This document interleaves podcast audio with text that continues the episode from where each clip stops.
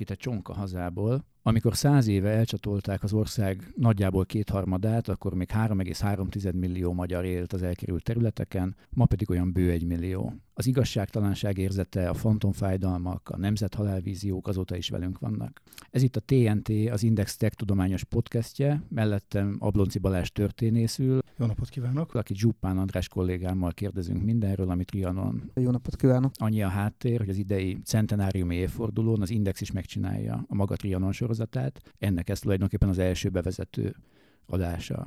De a következő hónapokban rendszeresen találkozhattok majd nem csak történelmi, hanem a mai határon túli helyzettel foglalkozó anyagokkal is.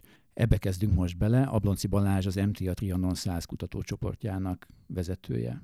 Balázs korábban úgy fogalmazta el, hogy nem biztos, hogy a nagypapáktól hallott történetek tartalmazzák az igazságot, ezektől ellépve távolságot tartva, de a nemzetet a saját múltjától nem elidegenítve kell tudni feldolgozni a történelmet. Te milyen trianon történeteket hozol otthonról? Ó, hát több rendben itt. Egyrészt ugye mind a két ágon vannak a családban olyanok, akik, akiknek el kellett jönni, ez, ez mind a a családnak mind a két ága nagyjából parciumban, tehát a mai Románia nyugati szegélyére nyúlik, egyrészt Szatmár németi környékére, másrészt Arad környékére, apai nagyapám aki most halt meg másfél éve, ő, ő Zimándúj faluban született, ez Aradtól északra egy, egy még ma is magyar többségű falu Arad közvetlen közelében. És ott gyerekeskedett, a, a másik ágon pedig Szatmár németi környéke, meg az ottani kisvárosok, falvak világa volt azonnan. A, jöttek a szüleim, és, vagy a nagyszüleim, és akkor a másik ilyen indítatás az volt, hogy nekem édesapám színikritikus volt. Ez nem, tehát most is megvan, hál' Istennek, most már nem színikritikus, és elég sokat foglalkozott határon túli magyar színházakkal 70-es, 80-as években, mikor ez nem volt annyira divat, úgyhogy én, iszonyú gyerekként mentem vele, és ilyen borzalmas székely kocsárdi átszállásokra emlékszem, ahol ugye ott kell átszállni Marosvásárhely felé. Ugye Gida Jenőnek a Nagy Csütörtök című verse is erről szól, hogy ugyanúgy fulladtak sötét volt, mint Gidánál mindig, és ez egy borzasztó hely volt, de hát, hogy nagyon gyerekként is már elkezdtem járni, és akkor nyilván ez a fajta érzékenység azért meg volt a családban hogyha nem csak a te személyes történetedről van szó, akkor mit jelent az, hogy a, a, az emlékezet egy idő után hideggé válik, hideg emlékezet lesz belőle, és hol van a történetírásnak ebben a helye? Ilyen elméletészként én nagyon csúnyán megbuktam mindig, tehát most próbálok uh, nagyon tudományosnak látszani, de a dolog lényege az ugye ezt, hát részben amikor ilyen hideg emlékezetről beszélünk, akkor Jan Assmann Egyipto, egyébként egyiptológusnak a különböző ilyen a kulturális emlékezetről uh, felállított téziseit szoktuk mostanában nagyon gyakran emlegetni. Ő azt mondja, hogy két-három nemzedék elteltével a, a, a múlt az bizonyos értelemben történelemmé válik. Tehát elvész az az emlékezet, aminek révén a generációk át meg átadják a, a korábban történtek emlékezetét. Tehát, hogy mondjuk egy példát, valószínűleg ma már a kiegyezés nem vált ki különösebb viharokat senkinek a lelkében. Trianon érdekes módon kivált, pedig már a két-három nemzedéknél nagyjából ott, ott járunk tulajdonképpen. Ennek részben azt hiszem az az oka, hogy, hogy ugye vannak határon túli magyarok mind a mai napig, hála Istennek, és hogy az ő jelenlétük gyakorlatilag folyamatosan, meg az, hogy, hogy van egy interakció a, a, a magyar magyar nemzet, hogy úgy mondjam, különböző ré, magyar nemzeti közösségek között, ezek, ezek életben tartják ezt az emlékezetet, hogy itt valami nem teljesen kóser dolog, valami igazságtalanság ö, történt, és emiatt az részben azt gondolom, hogy ez az emlékezet nem tud kihűlni, és akkor visszakanyarodnék arra, ami a felvezetőben elhangzott, hogy az elmúlt száz évben határon túlról körülbelül egy millió ember, a legóvatosabb esések szerint is egy millió ember jött át a Trianoni Magyarországra, ők a leszármazottaikkal együtt ma olyan két-három millió embert jelentenek a mai Magyarországon. Ebből a két-három millióban nem biztos, hogy mindenki gondolkodik azon, hogy a, mi történt a nagypapájával, vagy a nagymamájával. De ez, ez a típusú érzékenység létezik, és hogy megint mondom, a család történetre kanyarodjak vissza, az én én nagyapám is haláláig esküdött arra, hogy az az igazi szalonna, amit Gály, ahogy Gályban füstölik a szalonnát. Gály ez most már Araddal egybeépül, de a szomszéd falót is éltek rokonaink. Tehát, hogy ez a fajta ilyen érzékenység, ez, ez nagyon sokakban megvan, és azt úgy gondolom, hogy ezt a mindenkori politikusoknak, tehát a kormányzattól függetlenül ezt érdemes figyelembe is venniük, tehát hogy egy ilyen típusú érzékenység is létezik. Június 4 az egy szimbolikus dátum a környező országokban is, vagy alapvetően nálunk fontos? Nálunk fontos, tehát hogy igazából láthatóan például a szlovák történészek jelentős része nem is szokott ezzel foglalkozni foglalkozni, vagy ők nem tudnak mit kezdeni vele. Érdekes módon most lesz egyébként egy, egy nemzetközi történész konferencia Pozsonyban, mit ad Isten június 4-én, amit a külügyminisztérium szervez, tehát mondjuk ez azért jelzi azt, hogy itt is van egy ilyen egyfajta, hát nem az érdeklődés mondanám, hanem ilyen megelőző csapásmérés ebbe a témába. És ennek, ennek mi lehet az oka, hogy Magyarországon egy 1920-as dátum ég bele sors tragédiaként a nemzeti emlékezetbe, míg a, a szomszédországban 18-as dátumok rögzülnek így, mint ugye a, a siker és a, az elért eredmény, ugye az ő szempontjukból elért eredménynek a, a pillanata, hogy miért van ez a két év csúszás tulajdonképpen a magyar emlékezetben? Részben azért, mert ez egy szép régi magyar hagyomány, tehát hogy a magyar emlékezet ez nagyon közjogias. Ez így van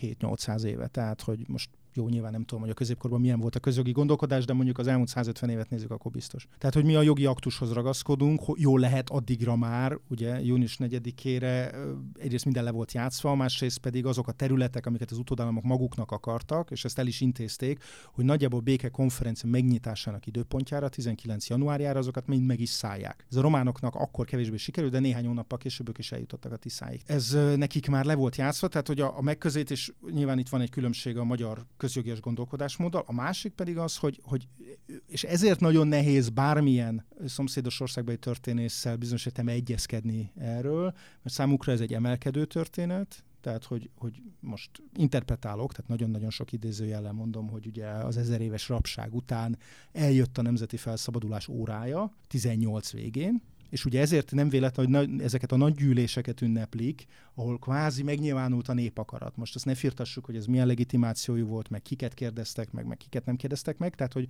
maga az elbeszélés mód az erről szól, hogy a nép kimondta a, az akaratát, vagy el, elmondta, hogy ez miért érdekli. Üm, és, és innentől fogva érdekes ez a dolog, tehát ez egy ilyen nemzeti örömünnep, nekünk még nyilván egy gyásznap, és ezt a kettőt nagyon nehéz nyilván kompatibilissá tenni. De történhet-e egyáltalán olyasmi még, ami, ami kicsit is új információt hoz ebbe bele, olyat, amit egy átlag ö, magyar állampolgár is ö, felkapja rá a fejét, és azt mondja rá, hogy ezt nem gondoltam volna, ezt nem, ez erről egész más tudtam eddig. Itt van néhány dolog, ami szerintem nincs benne, kellően benne a magyar köztudatban. Az egyik az az, hogy van a magyar történettudományban egy látens vita arról, hogy Trianon trauma volt-e vagy sem vannak nagyon tekintélyes és egyébként abszolút respektálható történészek, akik azt mondják, szociológusok, akik azt mondják, hogy igazából nem jó átbiologizálni a társadalmi fogalmakat, mert szörnyűség lesz a vége, meg igazából nem fedi a dolgot. Itt most azért a, a mi kutatásaink is, meg a most megélénkülő évfordulós kutatások is azt mutatják, hogy nem igazán vettük figyelembe azt, hogy itt van egy legalább három erőszak hullám söpör végig az országon. 1918 és 20 között. Van 18 őszén, ugye, aminek majdnem, aminek több halálos áldozata van, mint a vörös és a fehér terrornak együttvéve. Jön a vörös és a fehér terror, és jön aztán a megszállás, nem csak a román megszállás, ugye nem csak Budapestet foglalják el a román csapatok. Majd a Dunántúl északi részét is, Győr, Veszprém, Esztergom is román megszállás alatt van 1919 őszén. És jól láthatóan, és nem csak itt most nem csak a halottak számáról beszélek, hogy a, a, a román hadsereg rendszerszerűen használja botbüntetést, egyébként a szerb hadsereg is. Tehát, hogy nyilvánosan ö, megszégyenítenek embereket, tehát nem csak az a dolog lényeg, hogy fizikailag meg legyenek fenyítve. És ez ezreknek az élménye. Van 40 ezer hadifogoly a vörös hadseregből, akiket a románok bezárnak óriási méretű Cegléden, meg Abonyban tartott hadifogoly táborokban. Róluk az ő sorsukról is nagyon keveset tudni. Kecskeméttel kapcsolatban vannak jó feltárások például ezzel kapcsolatban, de nagyon-nagyon keveset tudni a sorsukról. Tehát az, amikor arról beszélünk, hogy a magyar társadalom traumatizálódik, mitől traumatizálódik, az erőszaktól traumatizálódik részben. Hogy egy példát mondjak, ez Percel Oliver levéltáros kutatáséból származik, Nagykörösen megérkeznek a románok valamikor 19. augusztus elején, mint a román hadsereg. A városháza lépcsőjén tarkon lövik a kommunista városparancsnokot, megbotozzák a barátnőjét, aki bújtatta, és megbotozzák a helyi újság főszerkesztőjét. Mindenféle ítélet vagy bármi nélkül, több száz vagy több ezer ember előtt. Tehát ez olyan kicsit, mint amikor a kínai stadionbeli kivégzésekről beszélünk. Tehát nyilván itt a példastatuálás is. Nem soktunk a haláleseteken kívül, nem beszélünk például nagyon sokszor a túlszedésről. Ez a háborús megszállás gyakorlatából jön át, Egyébként a vörösök, vagy a kommunista diktatúra is él vele, mármint a tanácsköztársaság. Élnek vele a románok is, és ezeket az embereket nagyon sokszor megverik, és az egész város hallja, hogy ordítanak a községháza pincében, ahol verik őket. Tehát, hogy bizonyos értelemben 1918 végén a magyar társadalomnak még nincs háborús élménye, vagy a nagy részüknek, persze, aki kim volt a fronton, meg látja a rokkant katonákat az utcán, azoknak van, de, de maga a mindennapi erőszak, az bizonyos értelemben a háború utáni háborúban érkezik Magyarországra. Ennek a feldolgozása tulajdonképpen az egy nagyon, nagyon komoly feladat. Ez az egyik. A másik itt a menekült kérdés, amiről Szűcs István Gergely kollégámmal együtt végzünk, és talán lesz egy monográfia is majd a végén. Itt azért az látszik, hogy nagy, nagyon sokban elfeledjük azt, hogy itt uh, említettem, hogy mennyien jöttek át a határon túlról. Akkor, Trianon után körülbelül 4-500 ezer ember jött Magyarországra, akiknek sok esetben lakótelepeket építettek. Mai Budapesten is vannak ilyenek, Miskolcon, Szombathelyen. De abból kevésbé gondolunk bele, hogy mondjuk a székely himnusz, ugye ennek a menekült hullámnak az eredménye. 1922-ben írja Csanádi György újságíró, illetve én Székely Egyesületi vezető, később rádiós rendező. Tehát hogy ma ugye mára azt látjuk, hogy nagyon sok nyilvános rendezvényen gyakorlatilag átvette bizonyos értelemben a szózat szerepét, tehát van a himnusz és a székely himnusz. Korábban ugye a szózat himnusz felállás működött, most már egyre inkább eltolódott a székely himnusz felé. Ez is ennek a menekült hullámnak az a két világháború között is szertett már erre a státuszra? Nem, nem. Sőt, a, a Csanádinak volt egy, tehát a, ezen a székely diaszpórán, hogy úgy mondjam belül, ez a Székely Egyetem és Főiskolai Hallgatók Egyesületén belül igen, de tágabb körben nem, sőt a 1940-ben volt például Csanádinak egy nagyon komoly új plágium ügye, hogy valaki elkezdte plagizálni északerdei visszacsatolás, akkor a, a székely himnuszt, és neki bíróság előtt kellett megvédeni a jogait, hogy ezt ő találta ki e, tulajdonképpen.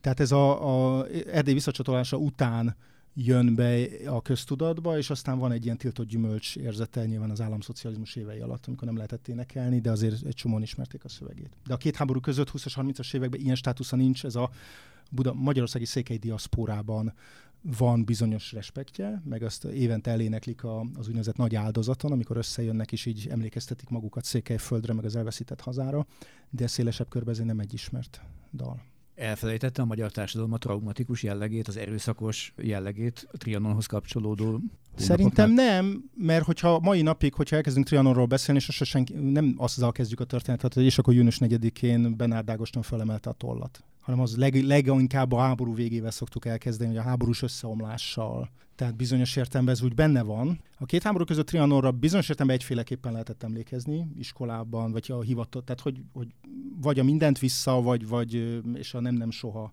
témakörében, tehát hogy nagyon kevesen voltak, akik ebből kimert vagy ki tudtak lépni, vagy ki akartak lépni. Még a baloldali ellenzék is, tehát a liberális vagy szociáldemokrata pártok is azt mondták, hogy egy, egy revízió az mindenképp szükséges. Inkább etnikai típusú revízióra gondoltak, tehát hogy csak azok a területek térjenek vissza, ahol magyar többség van, de alapvetően nagyjából ebben politikai konszenzus volt, hogy ezek így nem maradhatnak, ezek a határok.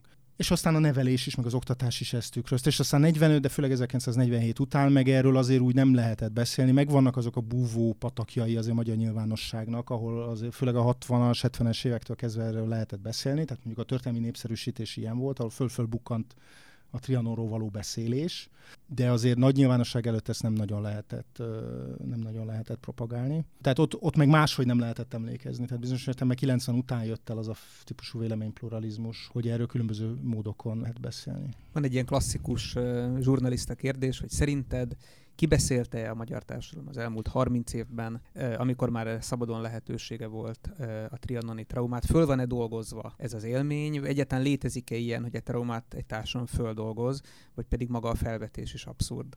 Hát biztos létezik olyan, azt gondolom, hogy nem biztos, hogy jók az eszközeink. Tehát pont az a helyzet, hogy a magyar történettudomány bizony, és akkor itt most önkritikus is vagyok, lecsúszott arról a kulcs évtizedről, amikor a 90-es évekre gondolok, amikor ezt még a kezébe volt a véleményformálásnak a monopólium, médiuma e tekintetben, tehát még konkrétan az internet korszaka előtt, és most arra pedig már elvesztette azt a, tehát most azt gondolom, hogy most 2010-20, a 10-20-as években elvesztette azt a monopóliumát, hogy széles körben elmondhassa azt, hogy erről mit kell gondolni. Most nem azt mondom, hogy ez, ez így jó vagy rossz, most tényt állapítok meg. Ha a feldolgozást úgy nézzük, hogy, hogy minden oldalról körbejárjuk, ütközhetjük a véleményeket, és, és beszélünk erről, az bizonyos értelemben zajlik, a problémát abban látom, hogy ez most már egyre kevesebbekhez ér el tulajdonképpen. Tehát egy YouTube videó alatti kommentekből nyilvánvalóan nem lesz múlt feldolgozás, mert pedig most már nagyjából ez a terepe ennek a, a, a dolognak. A másik oldalon viszont ott van a probléma, hogy mondjuk nem készült egy film, vagy több film játékfilmre gondolok, tehát egész estés nagy játékfilmre gondolok erről az egész történetről, pedig hát adná magát, de szerintem nem nagyon van ilyen film, ami ezzel foglalkozna, és nem, nem tudom, hogy a hallgatók tudnának-e ilyet mondani. Tehát, hogy itt ezzel van egy elég komoly, itt egy elég komoly probléma, holott az jól látszik, hogy mondjuk a múlt formálásban néhány év ezelőtt volt egy felmérés a, az akkori origóban olvastam, de aztán lehet, hogy máshogy is lejött, amiből az derült ki, hogy a, azt hiszem a 8 és 19 éves évesek 56-ról vallott nézeteit, elsősorban az elsődleges forrás, mondjuk ez így nyilván a maga kérdésfeltevés is hülyeség volt, mert 8 évesnek milyen történelmi képe lehet, de ez mondjuk egy másik kérdés, hogy az ő történelmi képüket 56-ról azt a Szabadságszerelem című film, tehát a Goda Krista féle uh, film alapozta meg. Tehát a mozinak itt elég komoly jelentősége van. Azt hiszem, lehet, hogy ez, a, ez is a lehetőség is el fog úszni. Most nagyon sarkítok, de lehet, hogy majd 15 perces TikTok videóba kell Trianonról beszélni hogyha valaki erről beszélni, akkor úgy, hogy el akar érni fiatalabb korosztályokat. Van arról tapasztalatod, hogy a, a nálunk fiatalabb nemzedék, tehát a, a mai 20 évesek, 10 évesek, akár gimnazisták, mennyire eleven a viszonyuk ez egész témához? Mert, mert az világos, hogy, hogy akik a rendszerváltás után nőttünk föl, vagy akkor voltunk fiatalok, nekünk ugye ez, hogy akkor lehetett erről szabadon beszélni, ez adott egy, egy ösztökélést is arra, hogy foglalkozzunk vele, gondolkodjunk ezen, de hogy akiknek magától értetődő, hogy ebben a témában semmi tabu nincsen, hanem, hanem már abban nőttek bele, hogy erről a szülők beszélgetnek valami hülyeséget az asztal mellett. Tehát, hogy mennyire alakulnak ki személyes viszonyok. Azt látom, ezek nem saját kutatások voltak, csinálunk mi is saját szociológiai kutatásokat, mert végeztünk egy nagy, nagy mintás kutatás történelemtanárok, illetve aztán kvalitatív kutatást is történelemtanárok körében erről. Erről az eredményéről most nem beszélnék annyira, mert a társfinanszírozó még nem okézta le teljesen az anyagot, de nagyon elgondolkodtató volt. Csak annyit mondanak, hogy nagyon megosztotta, miközben mindenki arról azt a történelemtanárok döntő többség elismeri, hogy itt egy, egy igazságtalanság történt, egy nagyon fontos múltbeli esemény, amit tanítani kell. Iszonyatosan megosztotta a magyar történelemtanári társadalom abban a tekintetben, hogy ennek vannak-e a mában nyúló politikai következményei. De ez értve ez alatt a kisebbség, ez a kisebbségi jogoktól való harctól egészen a revízió, területi revízióig terjedő spektrumot fedi le. Tehát ott nagyon különböző, tehát ez nem azt jelenti, hogy a töri tanárok fele területi revíziót akar, hanem csak azt jelenti, hogy viszont van egy fele, amelyik azt mondja, hogy ez egy múltbeli esemény, nincsenek következményei jelenben. Most ezzel lehet lamentálni, hogy úristen, milyenek a történelmi tanárok, rettenetes embereket nevelnek a gyerekeinkből, de én azt gondolom, hogy ez egy adottság, amivel a mindenkori döntéshozóknak számolniuk kell. Tehát, hogy ezzel a helyzettel mit tudunk kezdeni. Tehát, hogy azt mondod, hogy tulajdonképpen a mai történelmi tanári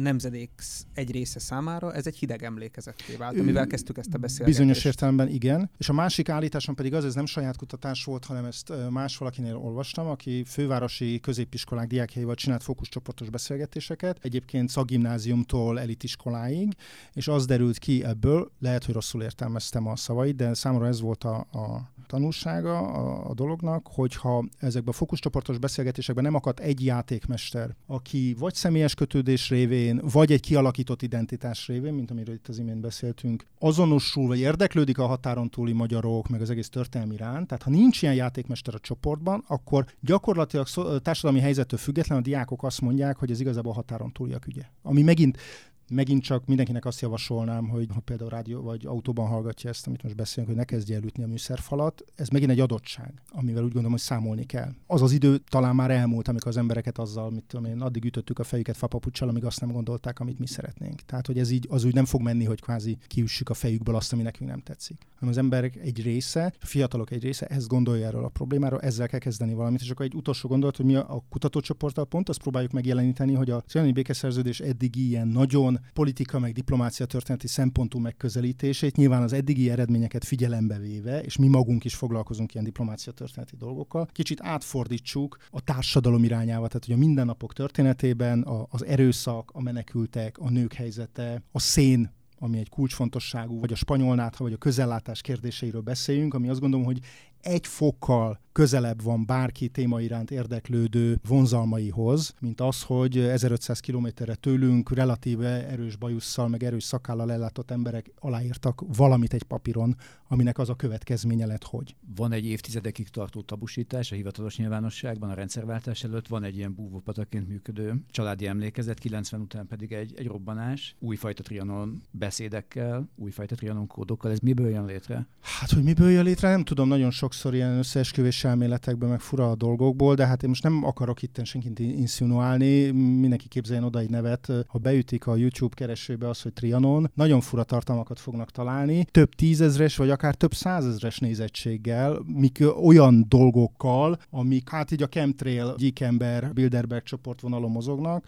Vannak kedvenc Trianon konteóid? Hát ezek bizonyos értelemben banalizálódtak, tehát hogy olyan, most hirtelen nem tudnék olyat mondani, lehet, hogy a beszélgetés közben még eszembe fog jutni, de azt azért, és akkor itt most jön a helye az önkritikának, hogy bizonyos értem a magyar történelemtudomány sem készült fel erre, tehát most nem azt állítom, hogy a kollégáim mindegyike ö, csodálatos vlogger lenne, de az, hogy mondjuk egy YouTube csatorna létrehozásával, vagy egyebekkel megpróbálja megszólítani azt a nyilvánosságot, ami ö, erre fogékony, az, az nem történt meg, és ez bizonyos értelemben a mi hibánk. Ez lehet, hogy el fog jönni, meg én nagyon bízom benne, hogy el, el, el tud majd jönni, de jelenleg ilyen nincs. Ez nem azt jelenti, hogy a konteósoknak kevesebb nézőjük lenne, csak hogy aki más szeretne, annak lehet, hogy módja adódna arra, hogy valami többé-kevésbé elfogadhatót halljon. Ezzel most küzdöttünk egyébként, amikor ezt a trianonos középiskolai versenynek a feladatait állítottuk össze a ebben résztvevő középiskolai tanárurakkal, hogy, hogy olyan videót, ami relatíve rövid, tehát mondjuk egy 20-25 perc, és, és jól elmondja azt, hogy mi van, mi történt a triani békeszerződés kapcsán Magyarországon, hát nem nagyon van. Ismeretterjesztő előadásokon, fórumokon, beszélgetéseken, mik a jellegzetes kérdések, amiket visszatérően megkaptok? Az nagyon érdekes, hogy, hogy elképesztő igény van ezekre az ismeretterjesztő előadásokra is. Tehát nekem, én most igyekszem majdnem mindent elfogadni, amit nem, tehát minden nem tudok elfogadni a felkérés, de általában én inkább iskolákba, meg fiatalabbakkal való találkozásokat forszírozom inkább. És néha meglepően éleslátó kérdések jönnek, olyan dolgok, amik az én egész kis, vagy a mi kis bejáratott ilyen kis mókuskerekünket és más megvilágításba helyezik. Hogy egy friss példát mondjuk tegnap előadtam tényleg fiatalok, vagy ilyen fiatal felnőttek előtt egy, egy ilyen baráti körben, és ott szó volt arról, hogy azért ez a magyar határon, a magyarországi magyar határon túli magyar viszony az messze nem egy problémamentes viszony sokszor. A két háború között sem volt az, de most jól látszik, hogy politikai szimpátiák szerint ez nagyon erősen nivellált, tehát hogy a baloldal szavazóinak egy része ebb, ezekben a köz, szociológiai közelség távolságvizsgálatokban, tehát ez a szeretne, ha ilyen nemzetiségűvel jelenne, szeretné hogyha ön mellé költöznének, stb. Például nagy, jóval elutasító például az erdélyi magyarokkal, mint, mint másokkal. És akkor volt ott egy sokat hallgató hallgató fiatalember, aki, és valaki megkérdezte, hogy hát ez, ez egészen hallatlan, és ez egyedülálló ilyen nincsen, és akkor valaki, egy addig sokat hallgató fiatalember azt mondta, hogy ez, hát ez kicsit arra emlékeztet, mint Németországban az oszi-veszi probléma. És akkor egy pillanatra megálltam, mert valóban azt kell, hogy mondjam, nyilván kicsit mások a vetületei ennek. Van egy ilyen, az egyik egy ilyen kicsit közgazdaságibb, vagy egy ilyen lenéző. Tehát a német az azt gondolom, hogy nagyon sok tekintetben a ideológiai természet és lenézi a fejletlenebb keletit, vagy aki kommunizmusba szocializálódott, mondjuk így. Persze már 30 évvel a fal leomlása után ez nem annyira állja meg a helyét, de mégis ez jelen van. Mondjuk a, az erdélyekkel kapcsolatos távolságtartásban meg mondjuk inkább az szokott szerepelni, hogy hát olyanok, mint a románok, most nagyon durván leegyszerűsítve. Tehát de, de maga, hogy a gyakorlatilag az egy nemzeti közösséghez tartozó egyes részek között van egyfajta ilyen típusú durva alá-fölé rendelés. Valóban az Oszi veszi egy jó párhuzam. De ez csak egy példa volt arra, hogy nagyon sok impulzust is kaphat az ember ezeken az előadásokon. De ennek nem, ennek a problémának, amit felvetettél, ennek nem az a valódi oka, hogy, hogy politikai megosztottságot képez le. Tehát, hogy gyakorlatilag még a, a határon túli magyar közösségek, és azon belül is az erdélyi magyar közösség egyértelműen és meghatározóan jobboldali, ez, ez egyrészt elidegeníti a, a Magyarországon ellenzéki érzelmektől, oda-vissza. Másrészt pedig az, hogy ez ilyen homogén, hogy, hogy a határon túli közeg az nem kétosztatú politikailag, vagy sokosztatú, nem olyan, mint a, határon belüli közeg, ahol sokféle párt elképzelhető, hanem tulajdonképpen rossz magyar vagy Erdélyben, hogyha nem vagy Fideszes, hogy leegyszerűsítsem. De hogy ennek nyilván az a, az egyik történeti oka, hogy a baloldal pedig 20 sok éven keresztül nem tudott kialakítani semmiféle viszonyt, vagy a liberális oldal a határon túli magyarság felé. Ö, nyilván a politikai részét nem kommentálom a dolognak, de hogy a nagyon kicsit máshogy látom, miközben van vannak ennek érvényes, csak hogy egy kicsit megbontsam a szerkesztő gondolkodását ebben a témában. Egyrészt ugye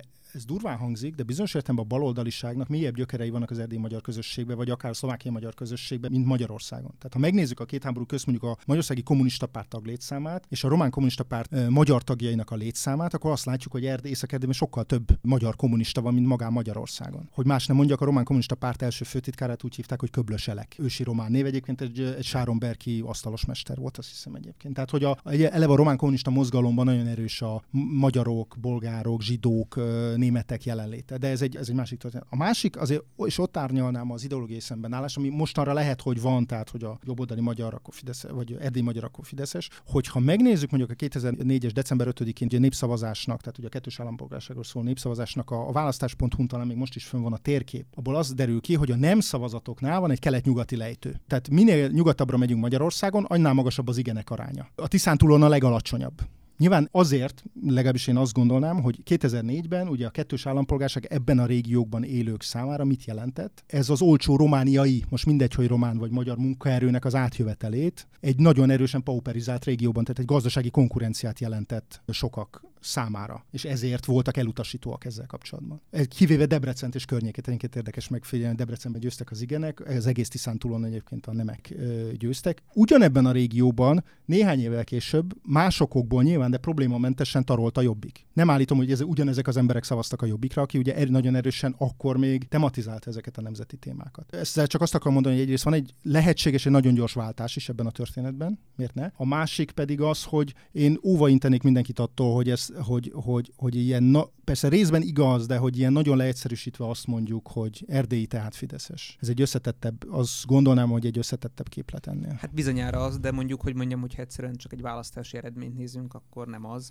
mert nem is tudom 90 hány százalék volt a legutóbbi Na jó, de mennyien mentek el szavazni például, tehát hogy ugye azért nem is tudom, a, ha, ha csak az állampolgárságot kapottakat nézzük, annak is csak a töredéke ment el szavazni. Nyilván aki elmegy, az már eleve elkötelezett, és még, még jobban elkötelezett, mint egy, egy magyarországi szavazásra elmenő, tehát hogy nyilván ott a, őket lehet mozgósítani ezzel. De ezek, amiket itt most mondok, ezek részben ezek ilyen személyes hájokovágyszerű megfigyelések, tehát a tudományos empiriás semmi közük. A határon túli magyar ellenesség, ez kifejezetten új fejlemény, és kettős népszavazás utáni reakció a baloldalon honnan jön? Nem, ez bújtatottan szerintem mindig is jelen, mindig megvolt részben, itt van egy konkurenciaérzés, talán, amit itt említettem, tehát egy gazdasági konkurenciától, vagy munkahelyi féltés, vagy szociális féltés, amire aztán a 2004-es kampányban ugye rá is lett játszva, hogy úgy mondjam. Ez részben azt gondolom, ha nagyon ilyen kicsit metafizikus, hanvasbélás távlatokba akarnám szemlélni ezt a dolgot, akkor azt lehetne mondani, hogy itt van a magyar nemzetképben azért valami megbomlás. Azt gondolom, hogy bizonyos értelemben Trianon előtt is van már valamiféle diszfunkció. Ezt most így nem tudom pontosan körbeírni, de azt gondolom, hogy a, a század első két évtizedében a magyar nemzetépítés, ami nagyon diadalmasan tör előre,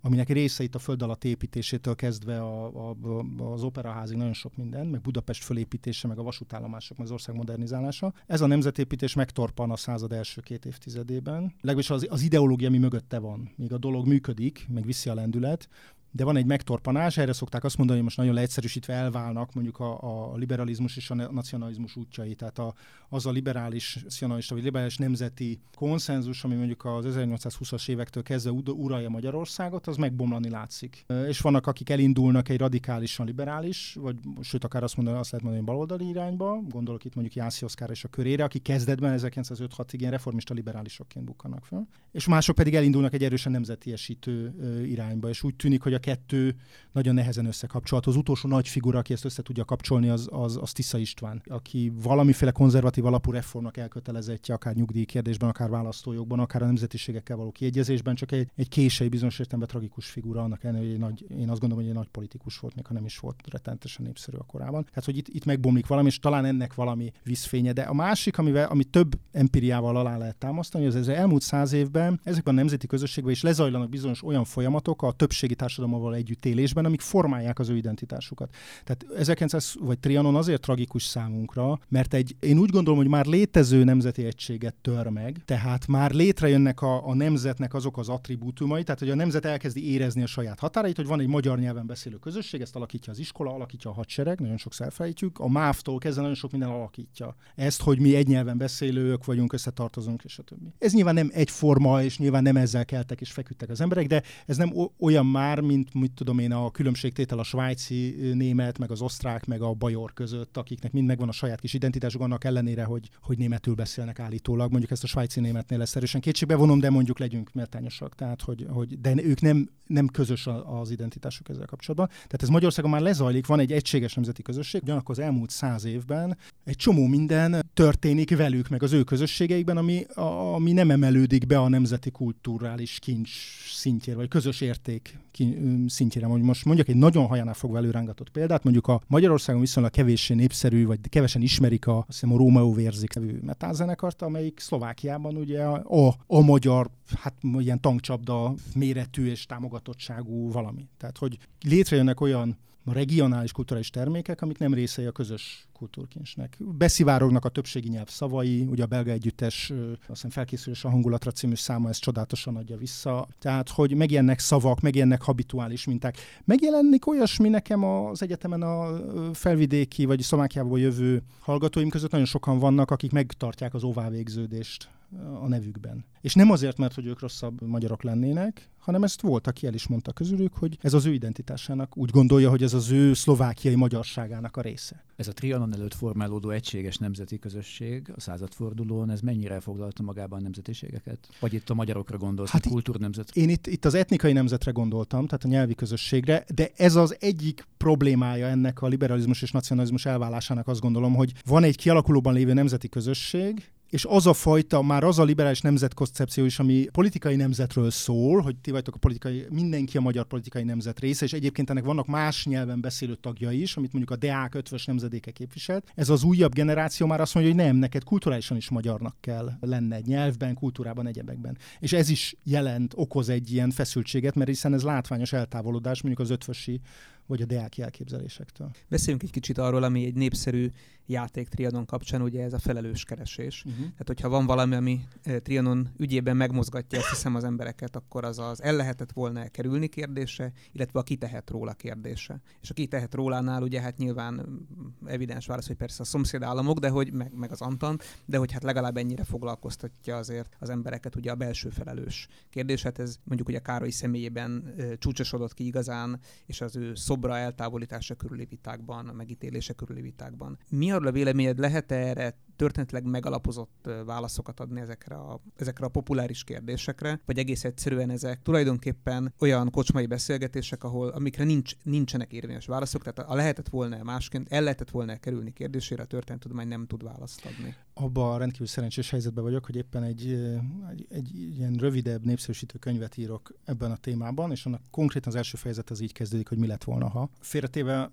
a, a dolognak ezt a részét, vagy a reklám részét. Azt gondolom, hogy rövid távú projekciókra abszolút alkalmas, ami lett volna a kérdése. Tehát ebben, amikor én ezt vizsgálom, négy vagy öt feltétel alapján mi lett volna, nem ölik meg Tisza Istvánt, mi lett volna, ha visszautasítjuk a békeszerződés aláírását. És ott van egy döntési csomópont, vagy egy, vagy egy esemény csomópontja. Egyébként az angol száz történetírásban, főleg a 90-es évek végétől ez nagyon népszerű volt, és mind a mai napig nagyon népszerű. Neil Ferguson meg mások tulajdonképpen ezzel kezdték a karrierjüket. Ugye Ferguson a, azt hiszem 97-ben jelent meg a Virtual History című tanulmánygyűjtemény, ami őt földobta ugye a, a, a nemzetközi történészpiacra, ahol, ahol az a szupersztár lett, ami. Ott nincs értem, hogy tovább gondolni a dolgot, tehát eljutni a következő döntési csomópontig, mert ott már annyi adatot, alternatív adatot kéne összegyűjtenünk, ami nyilvánvalóan nem áll rendelkezésünkre. Ott az már egy regényírásba fajul át, de hogy a lehetőségek vizsgálata, az szerintem nem egy haszontalan dolog, ami lett volna, ha vizsgáltam. Most a, a felelősség kérdése, itt nagyon sok mindenkinek van felelősség. Azt gondolom, hogy a magyar politikai, a korabeli magyar politikai létnek egyetemlegesen van egy felelőssége. Bizonyos értelemben nekem az a benyomásom, hogy a háború második felében, mint az első világháború második felében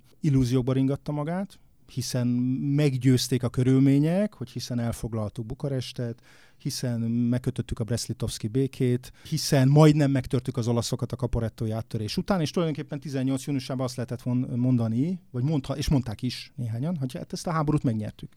Szerbiát elfoglaltuk, stb. És utána nagyon gyorsan bekövetkezik egy összeomlás, amire nagyon kevesen voltak, nagyon kevesen látták előre, vagy csak ilyen váteszi típusú figurák, akikre meg nem hallgatott senki. De ha a main, korabeli mainstreamnek a naplóit, meg egyebeket olvasgatjuk, ott van egy bizonyos fajta önelégültség. Ez az egyik. A másik, hogy Károly, Károly Mihály, akkor egy vallomásra kezdem, számomra nem egy különösebben rokonszemes politikus. De ez egy független a történelmi elem, elemzéstől. November, 18 november decemberében nagyon sokáig, nagyon sokaknak, és nem csak baloldaliaknak, úgy tűnt, hogy ő a, a, a gondviselés embere. Még a saját arisztokrata társainak is, akik nem különösebben kedvelték őt, azt gondolták, hogy ez a Mihály egy ilyen fura figú, fiú, szereti a gyors autókat, meg hőlékbalonozik, meg nem tudom mi, de hát mégiscsak a mi kutyán kölyke, akkor mégiscsak akkor legyen ő. Ugye Tisza maga is az utolsó napjának az egyikén azt mondja József Főrcegnek, hogy hát akkor jöjjön Károly. Tehát ő maga is elfogadja ezt, hogy, hogy akkor legyen a miniszterelnök. Ez a bizalom nagyon hamar elfogy vele kapcsolatban, mert látszik, hogy, hogy hezitál, túl nagy bizalma van az Antantban. Most ugye a Hatos Pálnak a kitűnő elátkozott közösség című könyvében vannak ilyen nagyon vicces, anekdotikus jelenetek, amik arról szólnak, hogy a kiskutyájával megy be a minisztertanácsra, és igazából nem nagyon érdekli, hogy ott mi zajlik. Tehát, hogy van egy ilyen, van egy ilyen Grand Seigneury magatartása, ami, amit egyébként mint kommunista emigráns is megtart. Tehát a 20-as években Párizsba is ilyen elég visszaemlékezések szerint is elég lehetetlenül tud viselkedni. Tehát a felelősség ott van, hogy nyilván illúziómentesebben kellett volna viszonyulni az Antant, meg a wilsonizmus eszméjéhez, meg az utódállamokhoz. Nagyon sok mindent tettek fel arra, hogy megnyerjék az Antant jó indulatát, meg, hogy megpróbáljanak hatni azokra a nemzetiségi politikusokra, akik tulajdonképpen átverték őket, Jászit is, Károlyt is, a többieket is. Sok illúzió volt bennük, sok doktrinerség, de visszamenőleg azt mondani, és itt nyilván hosszan lehetne folytatni a sort Kumbélával, vagy akár Horti Miklós, vagy az újonnan fölnövekvő politikai elittel, Teleki Páltól Betlen, Betlen Istvánig. Visszamenőleg szemrehányást tenni bárkinek, szerintem, hogy ezt vagy azt csinálta, ennek őszintén szóval nem látom túl sok értelmét. Tehát a történelem az ott válik történelmé, hogy a múltból ott tudunk történelmet fabrikálni, és akkor visszatérünk a beszélgetés elejére, hogy bizonyos értelemben ezeket a történéseket eltávolítjuk magunktól, visszalépünk kettőt, és megpróbáljuk a, a szereplők mozgatórugóit, mozgatórugóit elemezni. Ez nem azt jelenti, hogy nincsenek személyes szimpátiáink, meg nincsenek rögeszméink ezzel kapcsolatban, de, de most attól őszintén szóval abban semmi intellektuális kihívást nem érzek, hogy, hogy száz év távolából azt mondjuk, hogy hülye Horti, hülye Kumbéla, hülye Károly. Ettől mitől megyünk előrébb? Ha nincs tanácsköztársaság, jó pozíciókat érhetünk volna el a béketárgyalásokon? Ez egy annyiban összetett kérdés. Néhány évvel ezelőtt írtam ugye a Trianon legendák című könyvemben erről a kérdéskörről is. Ott, ott kategórikusabb voltam, most kevésbé vagyok kategórikus. Tehát a, a dolognak az a része, hogy a Párizsi Békekonferencia szakértői tanácsa, szakértői bizottságaiban, ez ugye a legalsóbb szint. Nagyjából 19 márciusára megvan a trianoni határoknak a vonala tehát március közepére. Tehát még a tanácsköztársaság előtt már kialakulnak a jelenkori határvonalak. Ezek aztán fölkerülnek ö, miniszteri szintre, vagy politikai szintre, és aztán ugye a legfelsőbb tanácsba. És de aztán 19 júniusára ugye az úgynevezett Clemenceau jegyzékben, ami el is juttatják Budapest, és a lapok is lehozzák, tehát akkor már a nagy nyilvánosság is tudja, hogy mi vár Magyarországra. Olyan rettetes nagy változások ebben nincsenek a március és a júniusi verziók között. Az viszont figyelemre méltó, hogy ami történik módosítás, az jobbára Magyarország rovására történik. Nem teljes, nem minden tekintetben, de 19 folyamán, 19 nyara folyamán ugye ekkor kerül át az, hogy Burgenland, illetve Nyugat-Magyarország ott megszerzi Ausztria, ugye a, a, a Muravidéket, tehát Lendvát és környékét megszerzi magának Jugoszlávia. Oda csak 19. augusztusában vonulnak be a jugoszláv csapatok egyébként. Ugye bepróbálkozik a délszláv királyság azzal, hogy megtartsa magának Pécset, Pécs környékét, Baranyát és a komlói iparvidéket. Ezt már az Antante ez nem járó hozzá egyébként. A románok is megpróbálkoznak, sőt a csehszlovákok is szeretnék előrébb tolni a, a határvonalakat. Tehát ebben az, hogy ebben így fölbátorodnak, és hogy bizonyos területi követeléseiket, mit tudom én, a, most egy nagyon technikus dolgot mondjak, a Csatai Polyság Losonci vasútvonal átengedését is, azért jobbára valószínűleg fölbátorította az, hogy a kommunistáktól nagyon féltek Párizsban és hogy azt, akkor ezt meg lehet csinálni esetleg, vagy még lehet kérni valamit. Tehát, hogy itt nagyon nehéz eldönteni, erre nagyon kevés nyom van, és inkább személyes dokumentumokban érdemes ezután kutatni, hogy ez a, a bolsevikoktól, nem elsősorban a magyar bolsevikoktól, hanem az orosz bolsevizmustól való félelem mennyire hatott át a döntéshozókat. Tehát, hogy látszik, hogy van egy ilyen lavent hét kapcsolat, vagy ódietámó kapcsolat a bolsevistákkal, tehát, hogy rettegünk is tőlük, mert hogy ezek ilyen vademberek, akik lebontják a civilizációt, ugyanakkor úristen, micsoda vezéreik vannak. Tehát Lloyd George ugye a brit miniszterelnök, akit azért nem vádolnék azzal, hogy egy elkötelezett szovjet barát volt, írta azt hiszem az emlékezésében, hogy Jézus után Lenin volt a második legnagyobb vezető. Más kérdés, hogy ezt hogy értette, de, de van egyfajta ilyen csodálat is a bolsevikokkal kapcsolatban, miközben félnek is, félnek is tőlük. Tehát ennek lehetett szerepe abban, hogy bizonyos módosítások, tehát az, hogy a trianoni határok úgy néznek ki, ahogy, tehát hogy akkora lett Magyarország, abban a tanácsköztársaságnak valószínűleg nincs szerepe, abban, hogy bizonyos módosítások kedvező Magyarország rovására zajlottak le, abban lehet szerepe és, és miért néznek ki úgy, ahogy? Tehát ugye van ezzel kapcsolatban is egy, egy mélyen gyökerező érzet a, a magyar közvéleményben, hogy Magyarországot aránytalan mértékben büntették meg egy olyan háborúért, amiben, aminek a kirobbantásában nem volt felelőssége. Ugye ez így, így, így hangzik ez az állítás, hogy még a németek is, akik ugye mégiscsak ennek a háborúnak a, a úgymond a vesztesek oldaláról nézve legalábbis a fő felelősei voltak, viszonylag szerény mértékű területi veszteségeket szenvedtek el.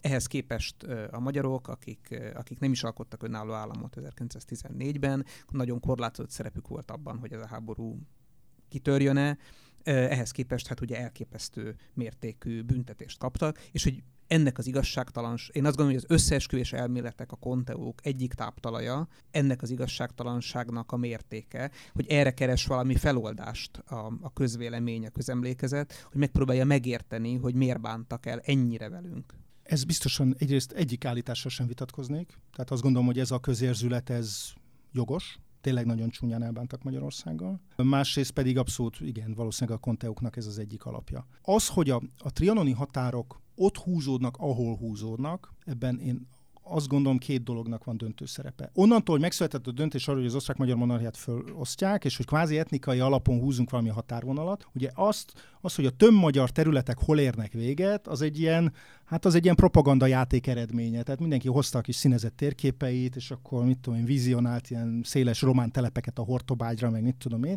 De nagyjából azt lehet mondani, hogy van egy 50-70 kilométeres sáv, főleg ez román-magyar viszonylatban jól látszik, kicsit jó látszik szerb-magyar viszonylatban is, magyar-csehszlovák viszonylatban szintén, hogy azt lehetett tudni, hogy ezen belül lesz egy játék, van a, tehát ez lesz a kiindulási alap. Ezen az 50-70 kilométeres sávon belül fogjuk valahol meghúzni a határokat. Tehát itt már nem beszélünk a Székelyföldről, nem beszélünk arról, hogy a Bánság egy multietnikus régió, ahol igazából nincsenek rendes etnikai többségek, vagy hogy az északkeleti felvidék, tehát hogy, hogy csak Magyarország magterületére szorítjuk vissza Magyarországot, tehát a magyar nemzet magterületére, és ezen belül a határvonalak egy ilyen, egy ilyen szürke zónában játszanak. És hogy ezen a szürke zónán belül hol húzódnak a határvonalak, vonalak, azt úgy gondolom, hogy két dolog döntött el. A Dunától nyugat, tehát a Dunántúlon, vagy a Kárpát-medence nyugati részében a folyók, tehát a Dráva és a Duna, csehszlovákoknak ez volt a kattanása, hogy ők, ők Dunai hatalom akarnak lenni. És semmi, az látszik a, az egyébként általunk szintén kiadott csehszlovák dokumentumokból, hogy szó nem lehetett arról, hogy ők a, akár a csaló közt átengedjék. Tehát Duna, Duna, Duna, és ez mindig elhangzik, és hídfőt akarnak a Dunával szemben. Már akkor fölbukkan ez a bizonyos Dunacsún, orosz vár, horvát járfalú, Komárommal szemben, és Esztergomba is hídfőt akarnak. Tehát, hogy ugye ez a korszak ilyen geopolitikai gondolkodásából tükröződik.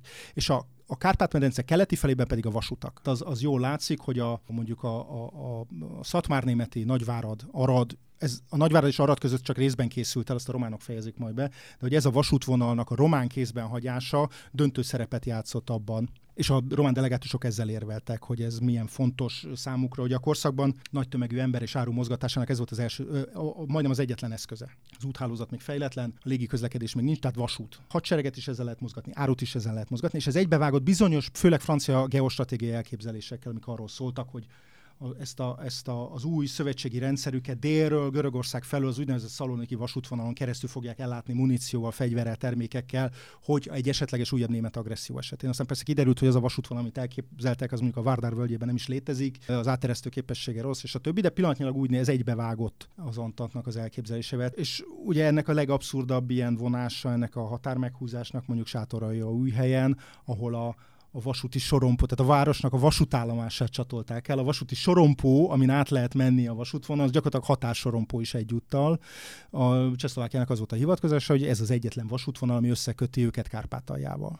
De annak, hogy egyébként a, a békekonferencia, vagy hát nem is a békekonferencia, nem ahogy mondod, hogy 18 végére tulajdonképpen kialakul ez az elképzelés Magyarország jövendő formájáról nagy vonalakban, a nyugatiakban, ezek szerint a győztes Antant hatalmak vezetőiben. Arra, hogy ezekre az érvekre ennyire fogékonyak, hogy, hogy méltányolják tulajdonképpen azt, hogy igen, a vasút az legyen a tietek, a Duna legyen a tietek, a Bánságról vagy a Bácskáról, ami egy sok nemzetiségű térség, ne is beszéljünk, hogy esetleg maradhatna Magyarország része. Ennek mi az oka? Tehát van, van-e valami speciális ellenérzés, a magyarokkal szemben a, a francia, angol, amerikai, olasz döntéshozókban, amiért ebben ennyire hát radikálisan járnak el velünk szemben, miközben mondjuk a németek esetében népszavazásokat engednek meg, hogy Sziléziát hogyan osszák el mondjuk a, a lengyelek és a németek között. Tehát tulajdonképpen a, a létező legnagyvonalúbban járnak el egy olyan ellenséggel szemben, területi dolgokban, aztán ugye más tekintetben nyilván nem, mondjuk jóvátétel tekintetében, de területi dolgokban úgy tűnik, hogy nem akarják, nem akarják a veszteségeket maximalizálni a németek esetében, nálunk pedig ez történik. Hát itt erre két válasz van. Van egy konteós, aminek itt legszívesebben engednék. Tehát azt mondanám, hogy itt van egy nyelvi elszigeteltség, és hogy a magyarokat senki sem érti. A magyar nyelvet nem érti senki, nem érti senki, és nem is akarja megtanulni. Tehát ennek nagyon könnyű engedni. Részben én hajlamos is lennék engedni ennek, de az kétségtelen, hogy van egy imás probléma. Ezt mondjuk Jeszenszki Géza elég jól föltárta a brit viszonylatban az elveszített Prestige című könyvében. Tehát, hogy van 48-49 miatt egy nagyon pozitív imázsa a magyaroknak a 19. század második felében, tehát, hogy szabadság népe, küzdenek az elnyomásán, stb. stb. És aztán jön egy új generáció, Nagy-Britanniában is, Franciaországban is, a, ilyen Kelet-Európával foglalkozó szakértőkben, ugye Seaton Watson, meg Wickhamsteed, meg másoknak a generációja, akik viszont azt mondják, hogy jó, lehet, hogy régen a szabadság népe volt a magyar, de most arra elnyomják a nemzetiségeket, és szörnyű dolgokat művelnek. És ők úgy gyúrják ezt a közönséget, vagy ezt a nyugati közönséget, hogy ez ennek egy része, nem mindenki egyébként, messze, messze nem, fogékony lesz ezekre a, a nézetekre és Magyarország felosztására. Amiben abban úgy gondolom, hogy van valamennyi igazság, hogy a trianoni békeszerződés bekövetkeztében például a két háború közötti magyarázatokban fölbukkan az, hogy nem volt saját önálló külügyi szolgálatunk, nem tudtuk képviselni az érdekeinket, gyakorlatlanok voltunk, tehát ebben lehet valami, de hát ugye a magyar politika elit fogadta el bizonyos értelemben azt a dualista struktúrát, aminek az volt az eredmény, hogy nincs magyar külügyi szolgálat, hanem van egy közös külügyi szolgálat, amiben egyébként szolgálnak magyar diplomaták, de nem Magyarország érdekeit képviselik, hanem, hanem, hanem a közös birodalom érdekeit. Tehát, hogy itt, itt van egy imás probléma, tehát elromlik ez a magyar imázs, amit részben érzékelnek Budapesten, részben nem, és próbálnak is ezen javítani, különböző egyetemi tanári vagy oktatói posztok létrehozásával, folyiratok úgymond szubvencionálásával, nagyon finoman fogalmazva, de ezek igazából elég, eléggé kevesek voltak, és az egy sokkal erőteljesebb beszédmód volt, amit az utódállamok képviseltek ezzel kapcsolatban, vagy a Magyarországon élő nemzetiségek, tehát szabadságra vágyó kisnépek vagyunk, stb. Ez jobb, so, sokkal jobban beleillett a Közép-Európáról általában alkotott képbe, úgy gondolom, amit Larry Wolf, meg más amerikai történészek csodálatosan megrajzoltak, tehát hogy a felvilágosodás óta milyen képe van Közép-Európának mondjuk az Atlanti világban. És ez a fajta felszabadítási ideológia sokkal jobban beleillett ebbe a gondolatmenetbe, mint a, a főleg a status quo őrzésére koncentráló magyar, hogy nincs itt semmi baj, tulajdonképpen mindenki megélheti, mi magunk is a szabadság népe vagyunk, nem csinálnánk ilyeneket, stb. stb az egyetlen ország, amik érdemben szembe tudott szállni a rámért békefeltételekkel, az ugye Törökország volt, és ez fegyverrel sikerült elérnie. Nálunk is rendszeresen előjön ez a, a Trianon toposzok között, hogy nekünk is egy, egy Kemal Atatürkre lett volna. Hát ugye itt azért azt a, már a korban is, hogy más nem mondjak, szerintem ő eléggé értette ezt a dolgot. Teleki Pál mondta azt az egyik nemzetgyűlési beszédében, hogy nekünk nem volt kisázsiai sivatagunk, ami mögé visszavonulhattunk volna. Tehát ő ilyen természetföldrajzi tényezőkkel is indokolta azt, hogy mi nem tudtunk a török útra lépni. Tehát, hogy valóban, ugye Magyarország egy nagyon legalább három oldalról rátámadó ellenségekkel kellett volna szemben, szemben kellett volna megvédenie magát, ami, ami, nem, ami nem sikerült.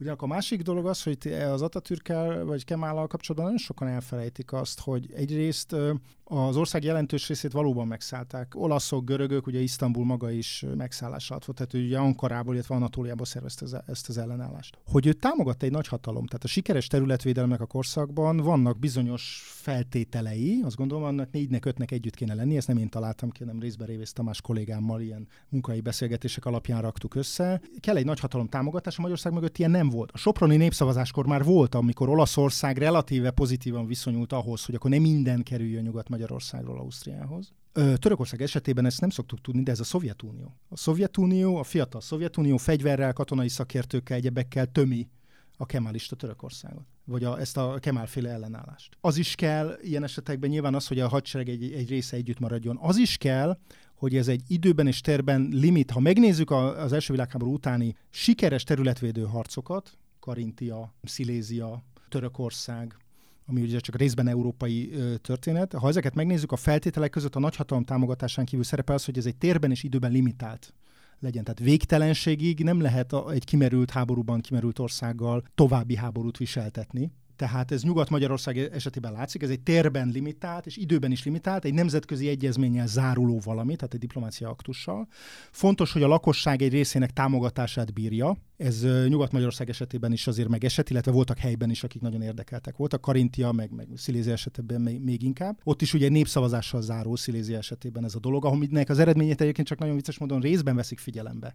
Tehát ott ugye még lengyel ajkúak is Németország mellett szavaznak, de a, azt mondják, ugye Párizsban jó-jó azért ne szórakozunk, tehát azért inkább menjetek Lengyelországhoz. Tehát egy részét ugye Sziléziának, vagy felső Sziléziának át, átcsatolják. Tehát, hogy itt van egy csomó feltétel, a, ami meg az kell, hogy a lakosság egy része militarizálva legyen. Ugye Karintiában az a lövészegyletekkel megvan, azért hát, hogy mondjam, a, a mindennapi erőszaknak Anatóliában is megvannak a maga hagyományai. Nem biztos, hogy ez mindig és mindenütt jelen volt Magyarországon is. Ahol egy időben egyszer ez a négy-öt feltétel jelen volt, ott volt esély sikeres területvédelemre, de ez 18 végén ezek a lehetőségek nem álltak, nem álltak készen. Ha lenne egy ilyen trianon elhárító nagy magyar időgép projekt, azt, azt hova kellene időzíteni? Melyik évben? Hát attól függ, hogy van-e háromfázisú áram, tehát hogy milyen energiaforrásokkal rendelkezünk a, a dologhoz. Tehát, hogy, hogy a sima 220-as konnektorba dugjuk be, akkor mondjuk csak akkor 18 vége, tehát hogy nyilván vagy, vagy 18 közepe, tehát hogy a fegyveres területvédelemmel kombinált valamiféle etnikai határmegvonás és egy nagyon tudatos politikai cselekvésnek a kombinációjával esetleg, esetleg el lehetett volna érni valamit, azt gondolom.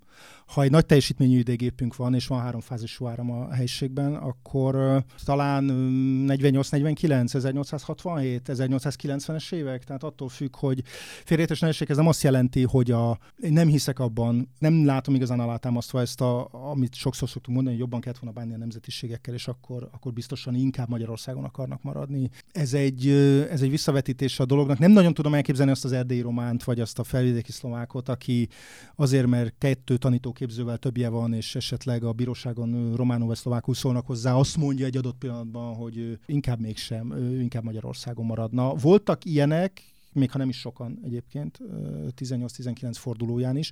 Csak azt gondolom, hogy hosszabb távon a, a nemzetépítés, a nacionalizmus 19. századi áramlásával szemben nem nagyon volt konkurens ideológia.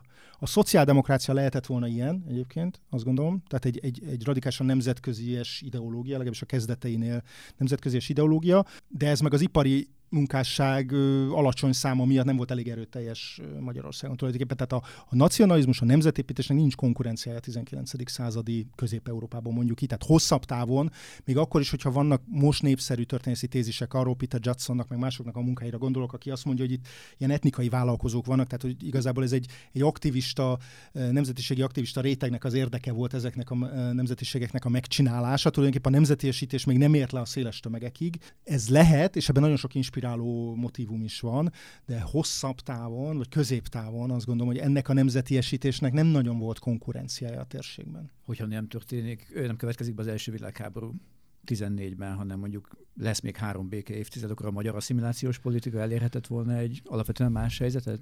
Biztos, hogy hatalmas asszimilációs potenciál is volt. Tehát itt nagyon sokszor ugye az utódálmi történészek emlegetik úgy szörnyű magyarosítás, meg mit tudom, ami nyilván volt. De azt nem szabad elfelejteni, van egy magyaró sodás is, tehát hogy emberek döntenek úgy, hogy ők magyarok akarnak lenni. Egyébként lehet, hogy ugyanezek az emberek 1918 után úgy döntenek, hogy ők egyébként szlovákok, románok vagy, vagy mások akarnak lenni. És ezt nem biztos, hogy nagyon normatív el kell ítélni. Az emberek elsősorban élni akarnak, tudnak mindenféle nyelveken. Ha nem szól bele tulajdonképpen a mindennapi életükbe, számukra bizonyos értemben és bizonyos régiókban majd, hogy nem mindegy, hogy ki van hatalmas. Nyilván egyszerűsítek meg, meg, meg sarkítok, de erre nagyon szép példákat lehet hozni keleti felvidékről, Máramarosból, egyéb, egyéb helyekről. Tehát ennek az asszimilációs húzatnak azért ez kétségtelenül létezett, elsősorban németekre, szlovákokra, a magyarországi zsidó lakosságra hatott, úgy gondolom, az látszik elég megnézni a magyarországi zsidó lakosságot 1880-as népszámlástól kezdve mind egyre nagyobb része vallja magát magyar anyanyelvűnek. Ez elindul valahol 70% környékén, és az 1910-es népszámláson magyarországi zsidók 84 vagy 85%-a magyar anyanyelvűnek vallja már magát. Tehát van egy magyarosodás, de ennek megvoltak a határai azért, és azt gondolom főleg román meg szerb viszonylatban, aminek ott van egy nagyon erős egyházi kerete, keretezése ezeknek a közösségeknek, az ortodox és részben a görög katolikus egyházaknál, amelyek föntartanak egy iskolarendszert, föntartanak, egy, eltartanak egy nagyon vékony, de mégiscsak létező értelmiségi réteget. Tömegesen nem nagyon lehetett arra számítani, hogy mondjuk a 3 millió magyarországi román ö, eltűnik. De azt gondolom, hogy a magyar liberális elitnek, vagy nemzetépítő elitnek nem is ez volt a célja, hogy mindenki vagy a legvérmesebbek se gondolták ezt, hanem azt gondolták, hogy hogy tulajdonképpen az, aki emelkedni akar társadalmilag, be akar kerülni a középosztályba, az váljon magyarrá. Egyébként az, hogy faluhelyen ezek a szörnyű babonás népek mit csinálnak egymás közt, és milyen nyelven beszélnek, úgyis parasztok nem számítanak. Most egyszerűsítek, és remélem a hallgatók is érzik, hogy sok-sok idézőjelen mondom ezt. Tehát, hogy bizonyos értelemben a, a magyar kultúrnemzet megteremtése volt a cél, és hogy a, a más nemzetek, nemzetiségek, azok kics, a margóra legyenek szorítva ebben a, ebben a témában. Tehát nem, nem lett volna olyan, hogy Magyarország mind a 18 millió lakója magyar, ö, magyar ajkú, mert ez, ez nem tudott volna működni. Nagy népességmozgás vagy egyebek nélkül. Adott valami jó Trianon? Áttételes hatásokra gondolok. Hát úgy, az, hogy nyilván utána volt egy valóban egy kilábalás, vagy hogy, hogy az ország gazdasága annak ellenére talpra állt, hogy itt retteltes csapások érték az országot. Tehát azt gondolom, hogy bizonyos értelemben 19 őszén nagyon komolyan felvetődik az, hogy egyáltalán lesz-e még Magyarország végül is nem, hol van az megírva, mondhatja bárki. Lengyelországot is felosztották 120 évre, eltűnt. Az ország kétharmada idegen megszállás alatt áll. Káosz van, gazdasági összeomlás. Benne volt a pakliba bizonyos értelemben, hogy az ország eltűnik. Tehát, hogy az ebből való kilábalás, amennyiben egy, ez egy pozitívum, a maga a kilábalás, és nem a tragédiát tekintjük, ez egy pozitívum. A rettetesen sok pozitív dolgot én személy szerint nem látok benne, de, de ezen még gondolkodnom kéne. A ti Trianon kutatócsoportotok a jelenlegi formájában a jövő évig működik. Korábban beszéltél mindenféle terveitről, többek között nemzet karakterológiai jellegű, vagy nemzeti habitus, sal kapcsolatos esetleges kutatásokról. Hogyha lesz ilyen, akkor Trianonnak ebben hol van a helye? Hogyan, hogyan alakítja a magyar nemzeti önképet, habitust, identitást? Biztos, hogy alakította. Én egy trauma traumák körébe sorolnám be, amiben benne van a holokauszt is, benne van 56 is. Nem feltétlen úgy, ahogy sokszor gondolunk rá, hogy 56 hogy volt trauma az elmenőknek, meg akiket főbelőttek, vagy, vagy megöltek, vagy megnyomorítottak, hanem élményként, és erről még egész, egész konkrét élményeim vannak gyerekkoromból. Most nem, hogy bárkit megnyomorítottak volna a családban, csak az, hogy maga a, a, a, hogyan beszéltünk róla, és hogyan gondoltunk rá, és hogyan halkította le az ember a hangját, amikor erről beszélt. Tehát ez az egész történet tehát, hogy ebbe a körbe helyezném el egy ilyen a történelmi traumák ö, sorába, ami úgy alakította a, a közérzületet, vagy a magyar identitást, hogy közben egy nagyon sok minden más rossznak is az elnevezője lett. Tehát, hogy a, Trianonról, amikor Trianonról beszélünk, nagyon sokszor hétköznapi diskurzusokban, vagy akár ilyen előadást tartok, vagy, vagy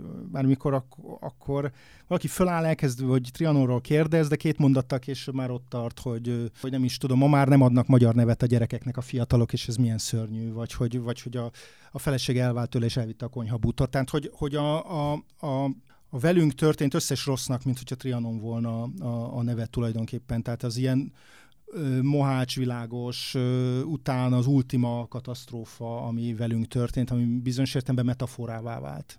És akkor itt visszakanyarulunk megint a kihűlt emlékezethez, tehát, hogy amikor azt, hogy arról olvasunk a népsportban, hogy ez bizony Mohács volt, vagy bocsánat, a nemzeti sportban, hogy ez, ez Mohács volt, meg akkor, akkor ez már kihűlt emlékezet, tehát nem feltétlen, nyilván van egyfajta azonosulásunk vele, de és Trianon nagyjából ebbe a, ebbe a körbe tartozik, ez, ez a fajta metaforává vált bizonyos értelemben. Hát akkor nagyon köszönjük Ablonci Balást, a Trianon 100 kutatócsoport vezetőjét hallottátok. Kövessétek az Index TNT tech tudományos podcastjét mindenhol, ahol lehet. Találkozunk két hét múlva. Sziasztok! Viszontlátásra! Viszontlátásra!